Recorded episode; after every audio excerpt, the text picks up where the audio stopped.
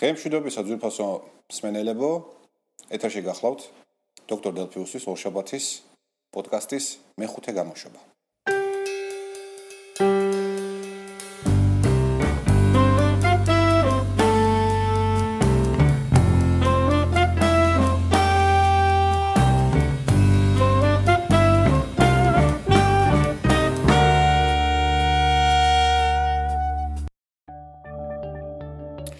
მაშასე, მოდი ველაპარაკოთ იმის შესახებ, თუ რა გადახვდა თავს გასული კვირის განმავლობაში, ზოგადად რა იყო საინტერესო. აა დავიწყოთ არა იმდენად გასული კვირის, არამედ დღეს მომხდარი ფაქტით. აა ხავით ქაუგნებული ვარ სიმართლე გითხრათ, დღეს არის კვირა 3 მარტი, სადაც ამა გამოვა ორშაბათს დილას. აა ისე როგორც გასულ გადაცემას. ამ გადაცემასაც წერ BTFM-ის სტუდიაში, ეხლა მე აქ მარტო ვარ, მაგრამ სანამ აქ მოვიდოდი, ჯერ დავიწყოთ იქით იმით, რომ ჩემი ფიზიკური აქტივობა კვლავ განვაახლე, რამდენიმე დღის განმავლობაში შეწყვეტილი მქონდა, იმიტომ რომ ჩემი ოღლე ავად გახდა, გრიპით, მაღალი სიცხეები მქონდა და შეიძლება მოვლა, ამიტომაც ვეღარ ვახერხებდი დროის უფრო მეტი დროის დათბობას სიარულისათვის. ამ დღეიდან განვაახლეთ, ასე რომ ვაჟებშაველადან აღმაშენებლის გამზირზე მოვედით ფეხით, გავიარეთ 9 კილომეტრი, დაახლოებით 2 საათის განმავლობაში მოვდიოდი. ანუ სიჩქარე არ მაქვს ძალიან დიდი, სადაც 4.5 კილომეტრი მაქვს საათში. და აღმაშენებლის გამზირზე ეცოდინებათ ალბათ რომ არის TBC ბანკის ფილიალი, ცოტა ისეთი მ ძალიან მოხერხებულად არის გაკეთებული. შედიხარ და იქ ბანკომატები, ბანკომატი აყენია და უშუალოდ ბანკში ვერ შეხვალინე და ნუ არა სამუშაო დღეა. შევედი ვიღებდი განსაზღვრულ თანხას. შემოვიდა სამი გოგონა. არ იყვნენ არც მათხოვრები, არც რა ვიცი რაღაც დაბალი სოციალური ფენიდან და ასე შემდეგ. ნორმალურად ჩაცმულები და დიდი ბოდიში და ატეხეს ბოყინი. არ ვიცი, ძალიან უცნაურია. სიტყვებით არ ყოფნის, რომ გამოვხატო ჩემი როგორც მინიმუმ გაოცება. ეს ისე უბრალოდ მინდოდა რომ მე ვიღაცასთვის ვიღაცისთვის მეთქვა თუ რაოდენ უცნაური რაღაცები შეიძლება მოხდეს ჩვენს უცნაურ ქალაქში. მოდი დაუბრუნდეთ ახლა ჩვენი გადაცემის ძირითად ხას. გასულ კვირაში პირადად ჩემთვის ყველაზე საინტერესო ტექნოლოგიური თვალსაზრისით იყო კომპანია Canonical-ის მიერ წარმოქმნილი სიახლეები სმარტფონებთან და ტაბლეტებთან დაკავშირებით. ამ თუ არ ვწდები ამ თემაზე მე ადრეულ გამოშვებაშიც ვისაუბრე, მაგრამ უფრო შედარებით უფრო დეტალურად შევეხები ამ თემას, ვინაიდან პირველად 2007 წლიდან, მას შემდეგ რაც მე მაქვს iPhone და რაც მე უფრო უბრალოდ თლიანად გადავედი Apple-ის ეკოსისტემაში, პირველად გამიჩნდა სურვილი განსხვავებული პლატფორმის მქონე smartphone-ის ან ტაბლეტის შეძენის. და ეს არ არის Android. და ეს არ არის Windows Phone. არც ერთმა მათგანმა ჩემში არ აღძრა რაიმე ინტერესი იმისათვის, რომ მე გამომეყო N თანხა და შემეძინა აღნიშნული smartphone-ი ან ტაბლეტი. კენალბათ თუ მოსმენილი გაქვთ ბეტა ვერსიის თუნდაც ერთი გამოშვება. მ კეთოდინებათ რომ მე ძალიან სკეპტიკურად ვიყავი ყოველთვის განწყობილი Windows 1 RT ვერსიისადმი, ამ ARM პროცესორისათვის დაწერილი Windows-ისადმი. საკმაოდ სკეპტიკურად ვარ განწყობილი ასევე Windows კერდა Surface Pro-სადმი, ვინაიდან გაცილებით უფრო იაფად შეიძლება თუ ადამიანს მაინც Windows-ის ქონა უნდა გაცილებით უფრო იაფად შეუძლია შეიძინოს მ ნოუთბუქი ან ტაბლეტური ნოუთბუქი სხვა მწარმოებლებისაგან და არ შეიძინოს ის Microsoft-ისაგან. აა ასევე საკმაოდ скептიკურად ვარ განწყობილი Windows Phone-ის მიმართ, ვინაიდან არ ამგონია რომ ამ პლატფორმამ რაიმე სერიოზული საბაზრო წილი დაიკავოს უახლოეს პერიოდში, ან საერთოდ ოდესმე.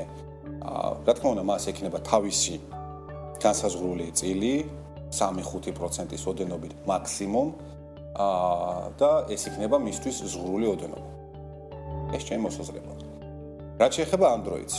ну Android-ი აა ძალიან აძლიერდა ბოლო წელიწადნახევრის განმავლობაში სერიოზულად წაიწია წინ მისმა გაყიდვებმა, რაოდენობრივმა მაჩვენებლებმაც, თუმცა ფინანსური მაჩვენებლებით, ჯერჯერობით კვლავ iOS მოწყობილობების გაყიდვებიდან ამონაგებით ახლა გაცლებით უფრო მეტია, ვიდრე Android მოწყობილობებიდან ამონაგებით ახლა. ანუ რაოდენობრივად Android-ი ჯობნის, მაგრამ თანხობრივად აა iOS-ი. აა სიმართლე გითხრათ, არც Android-მა არ დამაინტერესა დიდად არაფრით. და რატომ აგეხსნით? iPhone-ის, უბრალოდ iOS მოწყობილობების შეძენის შემთხვევაში, მე როგორც Apple-ის მომხმარებელს მაქვს სრული ეკოსისტემა. მე მაქვს Apple-ის კომპიუტერი, მე მაქვს Apple-ის smartphone-ი, Apple-ის ტაბლეტი. სამივე მოწყობილობა ერთმანეთთან შეჯობებით მართალია არა ბინარულ დონეზე, მაგრამ თავსებადია და რას გულისხმობ ამ თავსებადობაში. ერთიან ღრუბელში არსებული ინფორმაცია, რომელიც ყველა მოწყობილობაში ყისიერად სინქრონიზირდება. იქნება ეს ფოტოები, კონტაქტები, კალენდრები და ასე შემდეგ და ასე შემდეგ.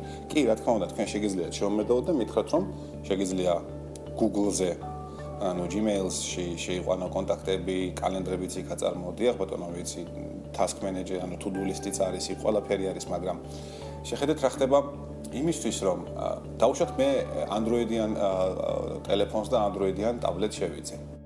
მესამე შემადგენელი ნაწილი კომპიუტერი, აი უკვე ვიჭედებით. კი, ბრაუზერში რა თქმა უნდა მექნება Google, მაგრამ ბრაუზერი არ არის ჩემთვის საინტერესო. და Outlook-ში, Microsoft-ის Outlook-ში, ან თუნდაც სხვა რომელიმე აა ესეთ monster საფოსტო პროგრამაში არ მაქვს სურვილი რომ შევჭირო კალენდრები. თანაც მე ამ კალენდრები ძალიან აქტიურად სარგებლობ. ანუ ამ თვალსაზრისით პირადად ჩემთვის გაცილებით უფრო მოსახერხებელია ის ტრიო, რასაც ქვია smartphone-ის, ტაბლეტის და კომპიუტერის ერთი წარმოებისგან. თანაც თუ გავითვალისწინებთ რომ სამივე მათგანი ძალიან სტაბილურად მუშაობს, ძალიან კარგად მუშაობს, აკუმულატორიც Android-ისგან განსხვავებით უკეთესად უფრო მეტხანს ყოფნის, ну თუნდაც ტაბლეტები ავიღოთ როგორც მინიმუმ. აა ძალიან ბევრი პარამეტრის გამო მე ვამჯობინებ შეჯერობით კლავაც Apple-ის ეკოსისტემაში დარჩენას და აქედან პრინციპში არსად არ წავალ. მაგრამ ის რაც აჩვენა კანონიკალმა, ის რაც ჯერჯერობით მხოლოდ ალფა ვერსიის სახით არის წარმოქმნილი, არის საკმაოდ არასტაბილური, ნელი, აა აქვს მთელი რიგი შეცნობები, რაც რა თქმა უნდა სრულიად ლოგიკურია და საბოლოო დასრულებულ სახეს ჩვენ შემოდგომაზე ვიხილავთ. ძალიან დამაინტერესა. კონკრეტულად დამაინტერესა იმ ტრიომ, რომელიც აი დაუკვირდით, აქაც კლავ ტრიოზე გვაქვს საუბარი. იმ ტრიომ, რომელიც ჩვენ შეგვიძლია მივიღოთ კანონიკალის პროდუქტების საშუალებით. ეს არის smartphone, ტაბლეტი, და პერსონალური კომპიუტერი მშლობარი აქვს იქნება ეს დესკტოპი თუ აა ნოუთბუქი, რომელზეც ერთი და იგივე საოპერაციო სისტემა იქნება გაშვებული. და შესაბამისად, შეხედეთ აა iOS-საც კი სჯობნის იმ თვალსაზრისით, რომ ბინარულ დონეზე პროგრამები, აპლიკაციები თავსებადი იქნება. ეს ძალიან საინტერესოა. მეცაც გეტყვით. მე ძალიან დიდი იმედი მაქვს ამაზე ადრეც თქვი რომ iOS-ის და macOS-ის დაახლოება ერთმანეთთან სულ უფრო და უფრო თვალსაჩინო ხდება და ძალიან დიდი იმედი მაქვს, რომ ბინარულადაც ისინი რამდენიმე წელი შემდეგ შეხვდებიან და ბინარულ დონეზეც ისინი თავსებადები ექნებიან. და ამით იმის თქმა მინდა, რომ ორივე კომპანია, Apple-იც და Canonical-ის სწორი მიმართულებით მიდის. საბოლოო ჯამში ჩვენ უნდა მივიღოთ უნიფიცირებული საოპერაციო სისტემები ნებისმიერი მოწყობილობისთვის. უბრალოდ იქნება, რა თქმა უნდა, ბაზარზე სხვადასხვა მოთამაშეები იქნება ეს Apple, იქნება ეს დაუშვათ Canonical-ი, აა იქნება ეს Windows-ი, ანუ Microsoft კომპანია Microsoft-ი. ფიქრობ, რომ Microsoft-მაც იგივე მიმართულებით უნდა დაიწყოს მოძრაობა. აა და თუნდაც ის მოსაზრებები, რომ შესაძლოა Windows Phone-ი გახდეს mini Surface-ის საოპერაციო სისტემა, ზუსტად ამაზე მეტყოლებს, რომ Microsoft-იც ხდება, რომ ამ მიმართულებით უფრო სწორი იქნება მოძრაობა, ვიდრე ორი ერთმანეთისგან დამოუკიდებელი, სამი ერთმანეთისგან დამოუკიდებელი საოპერაციო სისტემის არსებობა, ეს არის Windows Phone, Windows RT და Windows კლასიკი, როგორც გინდათ ისე დავარქვათ. ასეთი დივერსიფიკაცია ძალიან არასწორი იქნება და არასწორი არის ჩემი აზრით. აქედან გამომდინარე ესეთი გზელი შესავლის შემდეგ მინდა განვაცხადო რომ მე რეალურად დამაინტერესა ვნახო დავტესტო და თუნდაც ვიქონიო როგორც მეორე ტელეფონი ვინაიდან ხა თითქმის არსებობს ადამიანი რომელიც მხოლოდ ერთი ნომრით კმაყოფილდება მე მაქვს ჩემი პირადი ნომერი სატელეფონო და მაქვს ასევე კორპორატიული ნომერი რომელიც სადღაც უნდა იდოს როგორც მინიმუმ რომელიმე მოწყობილობაში რომ შევძლო საუბარი. ეხლა ეს არის ჩემი მეუღლეს დროები წავართვი ძველი iPhone-ი და იმით ვსარგებლო მაგრამ სიამოვნებით ვისარგებლებდი Ubuntu ტელეფონით აი ამისათვის ან პირიქით შეიძლება კორპორატიულზე გადამეყვანა უბრალოდ Ubuntu-ში ჩამედო ძირითადი ნომერი და კორპორატიულ ო და პირიქით მეორე ნომერი კორპორატიული კიდე iPhone-ში აა მოკლედ არ აქვს ამას მნიშვნელობა. მეორე ტელეფონი საჭიროა და ახლა ახლა ფანრიან Nokia-ს ხო არ შევიძენთ 21 საუკუნის მეორე დეკადა დაიწყო. აა ბოლო-ბოლო. თუმცა სხვათა შორის გასულ კვირას დასრულებულ აა Mobile World კონგრესზე Nokia-მ წარმოადგინა 15 ევროიანი არაჩვეულებრივი ეგრეთ წოდებული ფანრიანი Nokia, რომელიც ძალიან კარგია ისეთი მოხმარებლისთვის, რომელსაც არ აქვს პრეტენზია, რომ smartphone-ი ქონდეს და რაღაცა ყოველწუთში ჩამძრალი იყოს ამ ტელეფონში. აა იმისთვის რომ Ubuntu იქონიო საჭიროა რაიმე სამწუხარო ჯერჯერობით კომპანია Canonical არ უშვებს რაიმე hardware მოწყობილობას, აპარატურულ ნაწილს, ის უშვებს მხოლოდ საოპერაციო სისტემას Nexus ტელეფონებისათვის. აა ნუ Nexus 4, LG-ს Nexus 4 ამ ეტაპზე თბილისში იმდენად ძვირი ღირს, რომ პრაქტიკულად უტოლდება iPhone 5-ს. მაგდენ თანხარო ახლა მე მქონდეს თავისუფალი iPhone 5-ს ვამჯობინებდი შემეძინა და არა, თქვათ, ანუ Ubuntu-ს Ubuntu მაინც გადაიწეო და ანუ არჩევანის შემთხვევაში მაინც iPhone 5-ს მივანიჭებდი უპირატესობას. აა მაგრამ ამერიკაში მისი შეძენა სადღაც 300 დოლარის ფარგლებშია შესაძლებელი. ასე რომ ამ მიმართულებით მე ვფიქრობ და შესაძლოა ერთ-ერთ თვეში აა შევიძინო Nexus 4 მაგრამ მხოლოდ და მხოლოდ იმისთვის რომ ზედ Ubuntu დავაყენო, ანუ ზედ Android-ი იმავე წუთში იქნება წაშლილი ყოველ მიზეს გარეშე და არც დაბრუნდება ზედ არასოდეს. აა ან დაველოდო შემოდგომას და შემოდგომაზე დავაკვირდე თუ როგორ როგორ განვითარდება კანონიკალის ეს ძალიან საინტერესო ექსპერიმენტი და აა იქნებ შემოდგომაზე უშუალოდ შევიცინო რაიმე ტელეფონის შესაძლოა არ გამოვრიცხავრო კანონიკალმა გააფართოვოს იმ მხარდაჭერილი ტელეფონების სია, რომლებზეც შესაძლებელი იქნება Ubuntu-ს დაყენება და თქვათ რამე უფრო იაფ ფასიანი ყოფილი Android ტელეფონი შევიძინო ესეთი რომელზეც წავშალოთ ეს Android-ი და ავაყენოთ Ubuntu. ნახოთ, მოკლედ, წინ ძალიან ბევრი საინტერესო ექსპერიმენტები მელოდება ამ მიმართულებით, რა თქმა უნდა, დიდი იმედი მაქვს, ჩემი მეგობარი დევი ამ საქმეში დამეხმარება და ერთად ჩავატარებთ ამ ექსპერიმენტს. ეს რაც შეეხებოდა Ubuntu-ს. ეხლა გადავიდეთ მეორე საკითხზე. დღეს ახლა პრინციპში ძალიან ბევრი თემები არა გვაქვს. ნახოთ რამდენ ხანს გავქაჩავთ ამ საუბარს. ალბათ შეამჩნიათ კიდეს რომ ცოტა ნელო საუბრობ, იმიტომ რომ სიმართლე გითხრათ, ძალიან დავიღალე. და რეალურად და მეძინება კიდეც. ახლა შაბათს სამსახურში შედარებით უფრო თავისუფალი გრაფიკი გვაქვს ხოლმე. დღის მხოლოდ პირველ ნაწილში მუშაობთ. მე შეგვიძლია უკვე სახში წავიდეთ და ამიტომაც გადავწყვიტე შაბათს თან მithumetes 2 მარტი იყო, ანუ მარტი დაიწყო და გადავწყვიტე მარტის სამუშაოები დამეგეგმა. თქვენ ალბათ იცით რომ მე ასდღიან ასდღიანი ესე პორციებით გეგმავ ჩემ სამუშაოებს. ეს დაიწყო პირველი ნაწილი პირველი ასდღიანი ნაწილი 4 იანვარს და დასრულდება 14 აპრილს. შესაბამისად ამ აპრილის 14 რიცხვამდე ჩვენ კიდე თვენახევარი გვაქვს დარჩენილი. ამ თვენახევრიდან თითქმის 2/13 ახლა დაიგეგმა. აა ჩემ სამუშაოთა სიას თუ გადავხედავთ, რომელიც მაქვს უნდერლისში, კლავად შეგახსენებთ, რომ ეს არის ძალიან კარგი და უფასო რაც თავარია აპლიკაცია პრაქტიკულად ყველანაირი პლატფორმისთვის iOS-ი, როგორც iPhone-ი, ასევე iPad-ისთვის, ასევე Android-ისთვის, ასევე არის desktop ვერსიები Mac-ისთვის და Windows-ისთვის და ასევე რა თქმა უნდა ბრაუზერში შეგიძლიათ გახსნათ აღნიშნული აპლიკაცია. და ყველაფერი რა თქმა უნდა ერთმანეთთან სინქრონიზირდება ღრუბლის საშუალებით. ძალიან მოხერხებული და რაც თავია გერმანული ხარისხით შესრულებული პროგრამა გირჩევთ. თუ გადავხედავთ ჩემს Wunderlist-ს და მასში არსებულ სიებს, თქვენ დავინახავთ, რომ დღეისათვის დაგროვილი გვაქვს 75 პროექტი.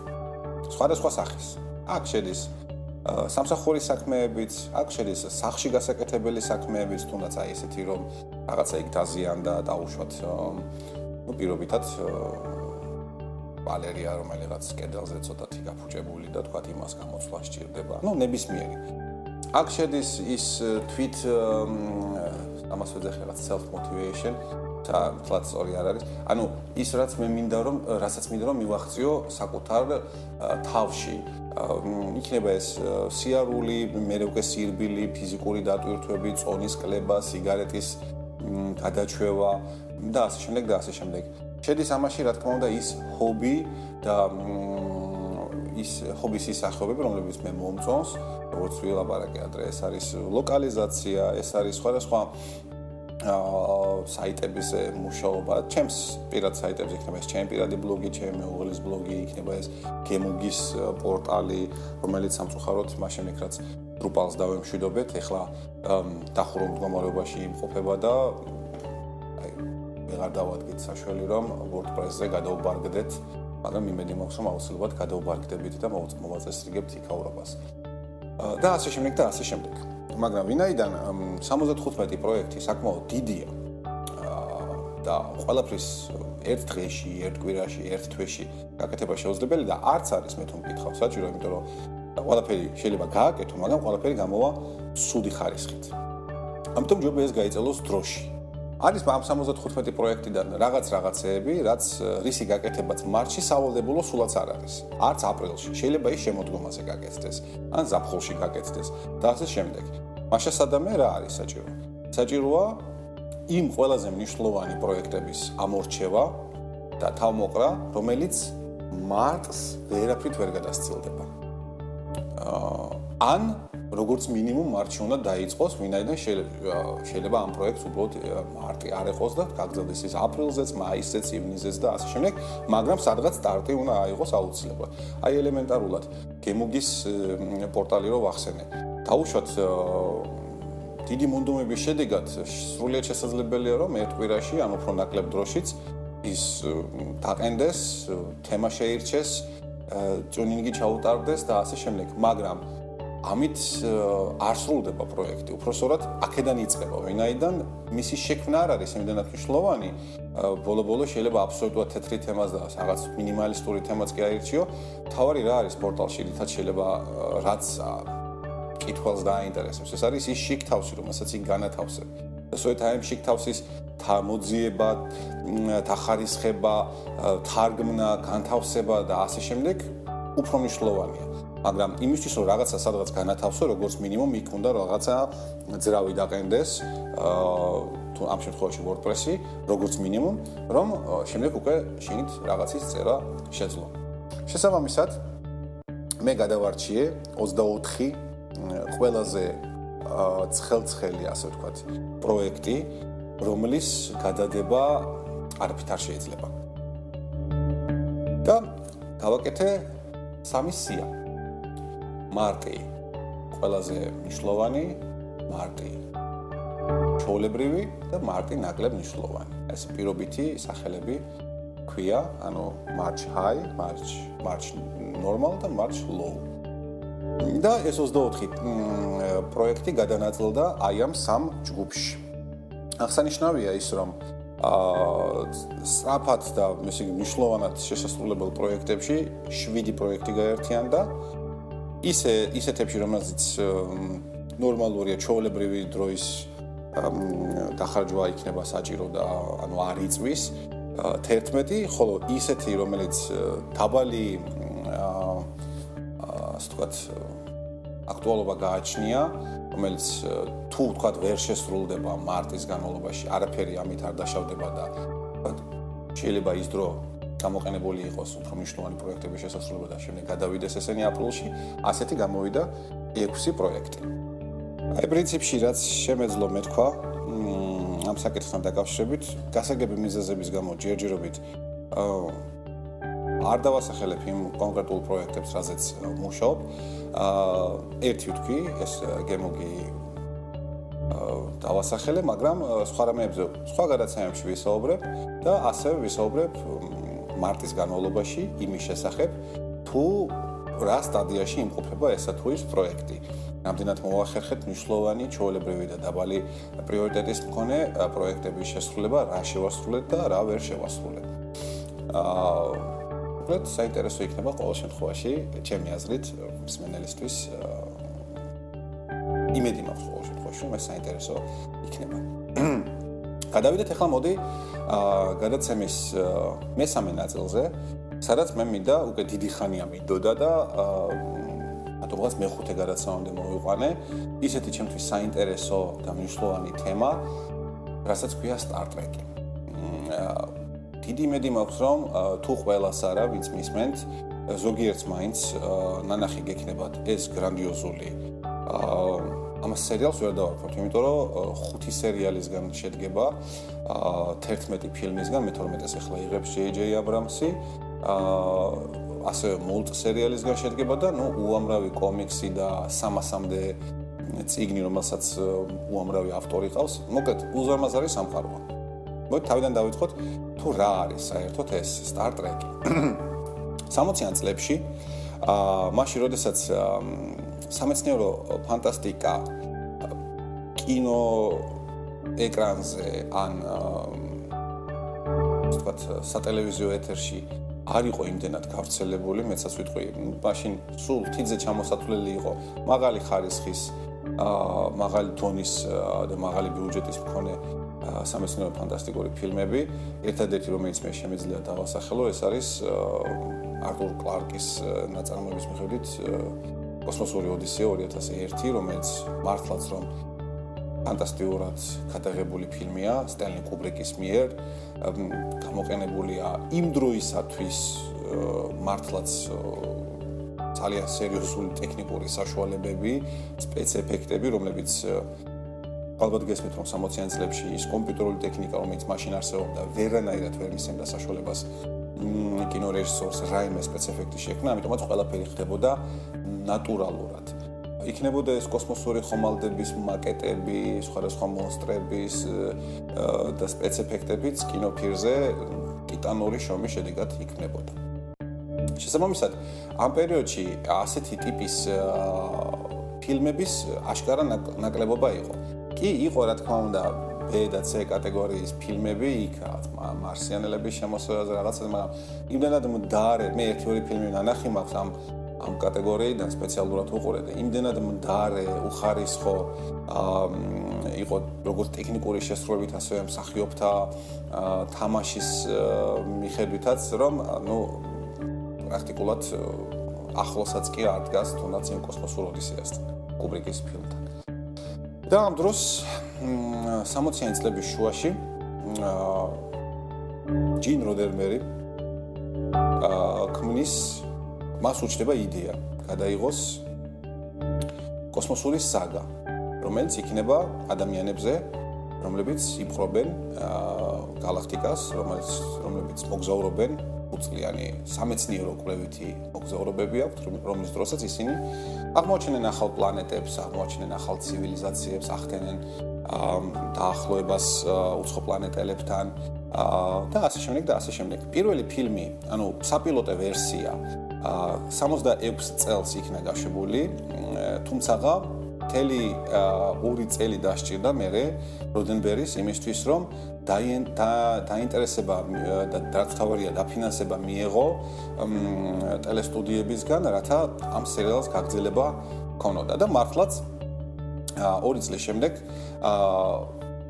ფილმი გავიდა ეთერში, უბრალოდ სერიალი და არნახული წარმატება ჰპოვა. თუმცა, ნუ პირველი პირველ გაშვებაზე ნაკლებად სამი სეზონი იქნა გადაღებული პირველი პირველი სერიალისა, რომელსაც დღეისთვის ვინაიდან უკვე 40 წელზე მეტია გასული, ამას ქვია Star Trek The Original Series, ანუ საწყისი ორიგინალური სერიები, სამი სეზონისგან შედგება და ამ სერიალის ჩვენება განმეორებით მოხდა 70-იანი წლების დასაწყისში. აი სწორედ მაშინ ის გადაიქცა საკულტო სერიალად არა მარტო ამერიკელებისთვის, არამედ ევროპ ევროპის ქვეყნებშიც იქნა ეს ფილმი ნაჩვენები და აი ამის შემდეგ დაიწყო Star Trek-ის აღმასვლა.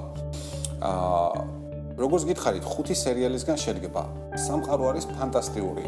აა როდენბერიმ შეძლო თითქმის შეუძლებელი.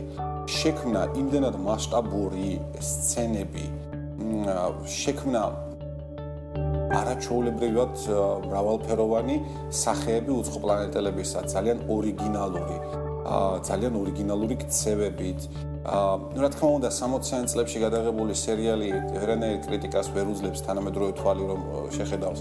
სპეციფექტების თვალსაზრისით ვინაიდან გამოყენებულია მუყაოს კალდეები და იქ აშკარად ხვდები რომ ყველაფერი ეს გადაღებულია სტუდიურად და არა თქვათ ხიაცის ქვეშ და ასე შემდეგ და ასე შემდეგ. მაგრამ მიუხედავად ამისა ის ატმოსფერო რომელიც ამ პირველ სერიალში დევს ნამდვილად ძალიან საინტერესოა და ძალიან გემრიელი.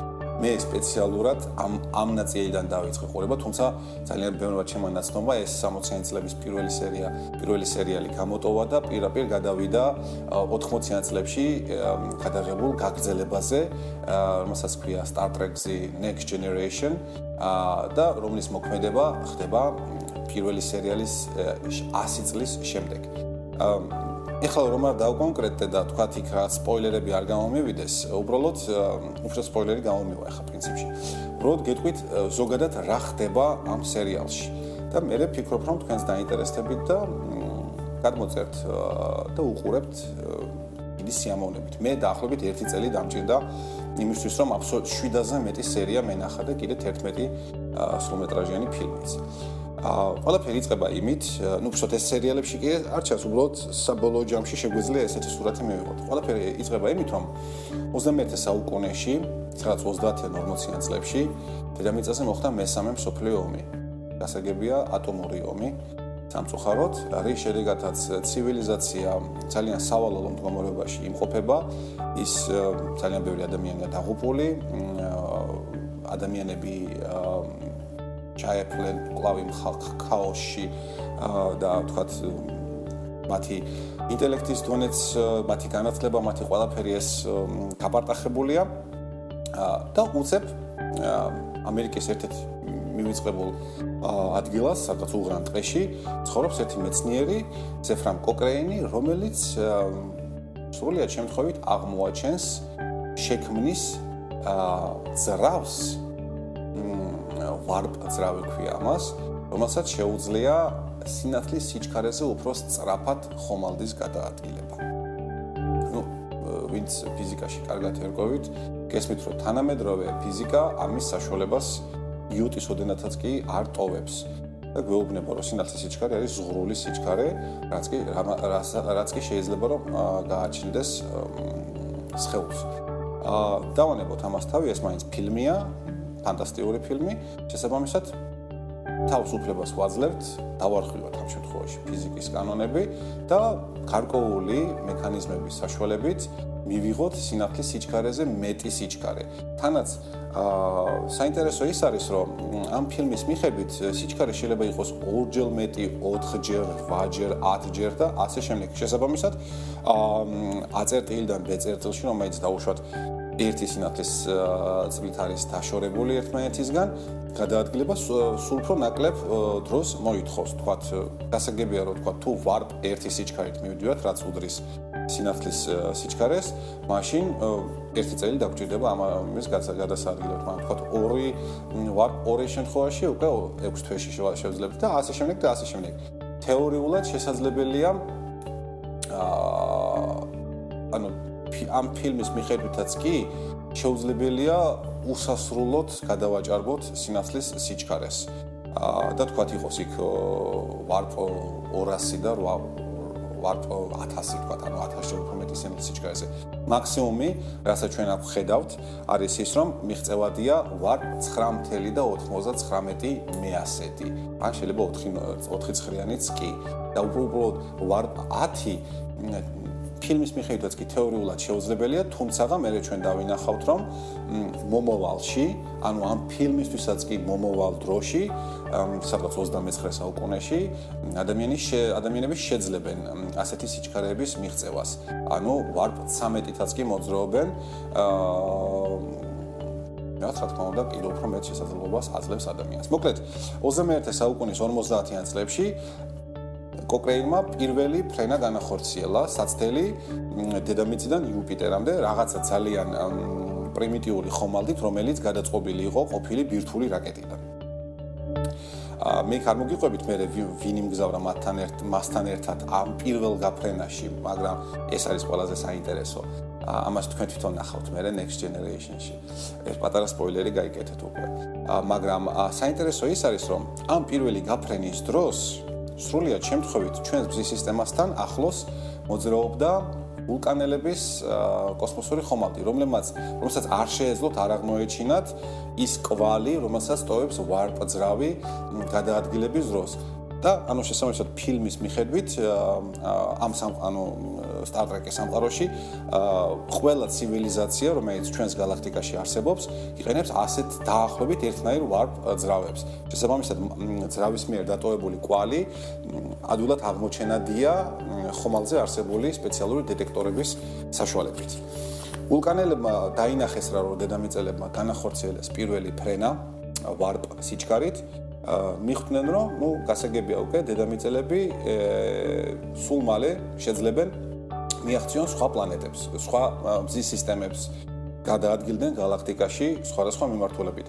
მაგრამ გამომდინარე იქიდან რომ მათ გაცილებით უფრო მეტი გამოცდილება ჰქონდათ ზოგადად ვარსკვლავთ ნაოსნობაში აა და ხვდებოდნენ რა რომ დედამიწელები მზად არ არიან იმისთვის რომ შეხვდნენ სხვა ცივილიზაციის წარმომადგენლებს და მათთან ჰქონდეთ ცივილური ურთიერთობა.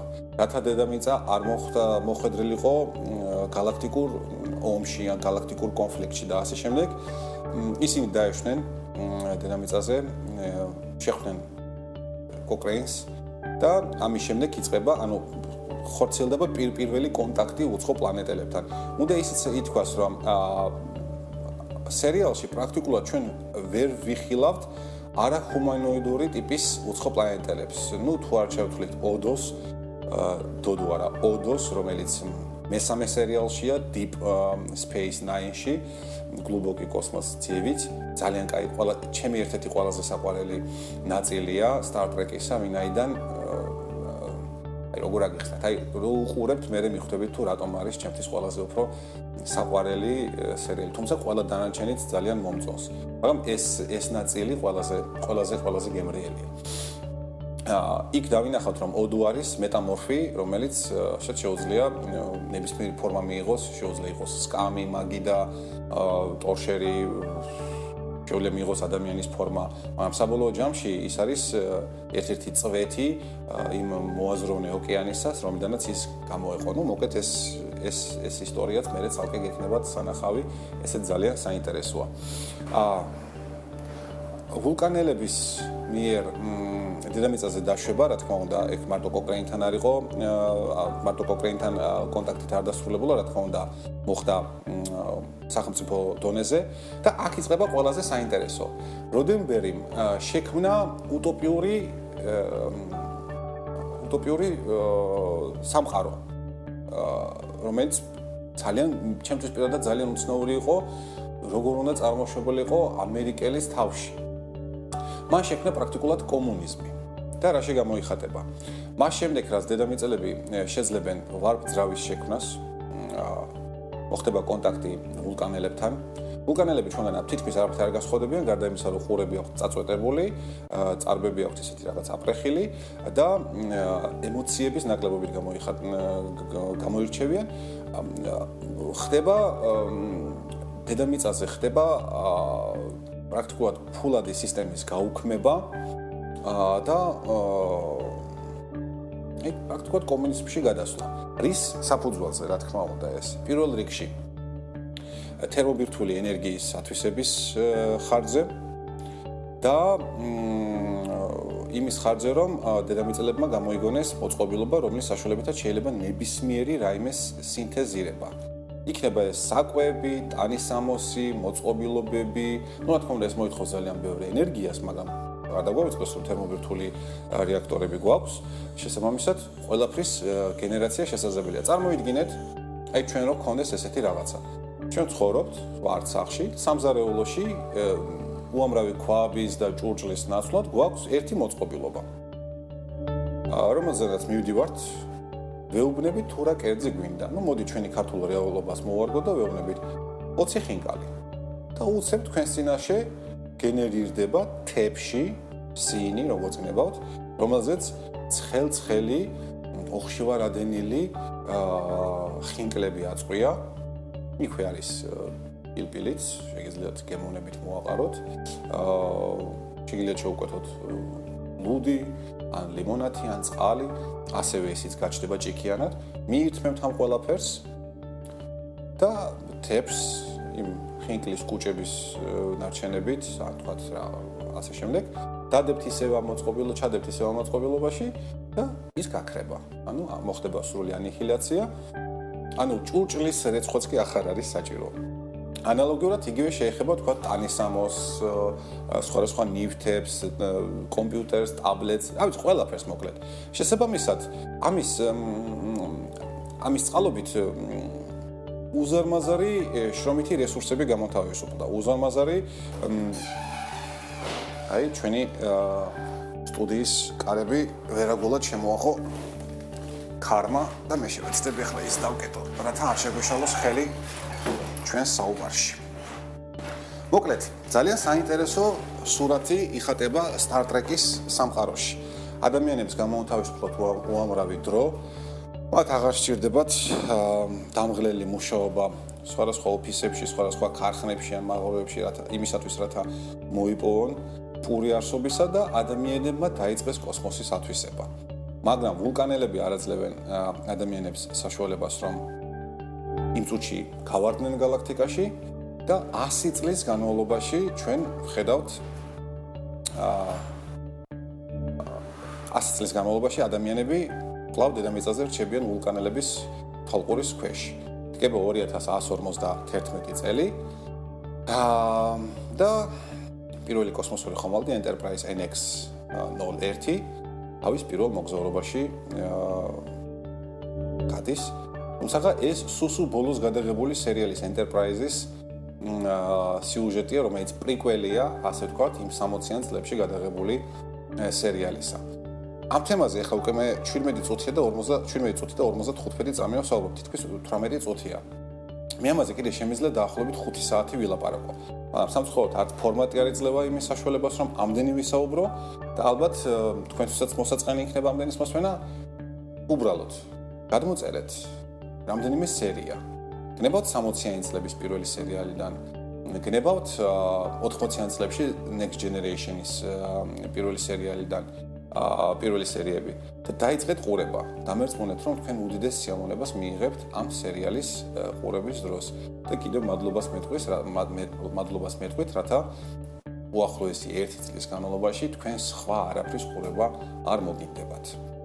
აი პრინციპში ეს მინდოდა მე თქვა Star Trek-თან დაკავშირებით, ისე როგორც ძალიან ბევრი რაღაცა მე მინდა რომ Star Trek-ზე ჩემს ბლოგში ვწერო, პატარ-პატარაზე რაღაც ინფორმაციები, ფოტოები მე მაქვს აუბრალ ძალიან ბევრი ფან ფანების მიერ შექმნილი სხვადასხვა ახატები, კომიქსები და ასე შემდეგ და ასე შემდეგ და მე შევეცდები დროთა განმავლობაში ისინი ნელა ბლოგზე განვათავსო. დღეისთვის პრინციპში ჩვენ შეგვიძლია ჩვენი მეხუთე გამოშვება დასრულებულად გამოაცხადო, ვინაიდან თანაც ეს კარებიც არის ვენებს არაფერი და კლავ იღება და იღება. ამიტომაც გემშვიდობებით, კეთილი სურვილებით, კიდევ ერთხელ დიდი მადლობა რომ მისმენთ და ჩვენ შევხვდებით შემდეგ ერთ კვირაში. კარგად ბრძანდებოდეთ.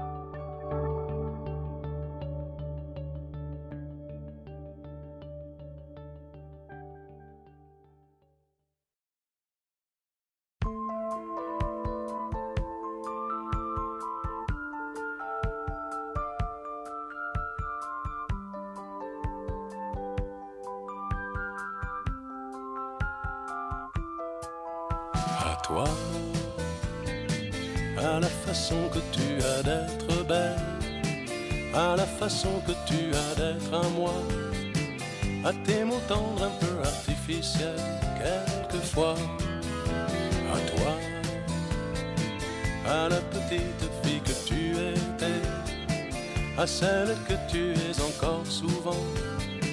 À ton passé, à tes secrets, à tes anciens princes charmants, à la vie, à l'amour, à nos nuits, à nos jours, à l'éternel retour de la chance, à l'enfant qui viendra, qui nous ressemblera, qui sera à la fois toi et moi. À moi, à la folie dont la raison. À mes colères sans savoir pourquoi, à mes silences et à mes trahisons, quelquefois, à moi. Autant que j'ai passé à te chercher, aux qualités dont tu te moques bien, aux défauts que je t'ai cachés, à mes idées de baladin, à la vie, à l'amour, à nos nuits, à nos jours à l'éternel retour de la chance, à l'enfant qui viendra, qui nous ressemblera, qui sera à la fois toi et moi. À nous, aux souvenirs que nous allons nous faire, à l'avenir et au présent surtout, à la santé de cette vieille terre qui s'en fout. À nous à nos espoirs et à nos illusions, à notre prochain premier rendez-vous, à la santé de ces millions d'amoureux qui sont comme nous, à toi,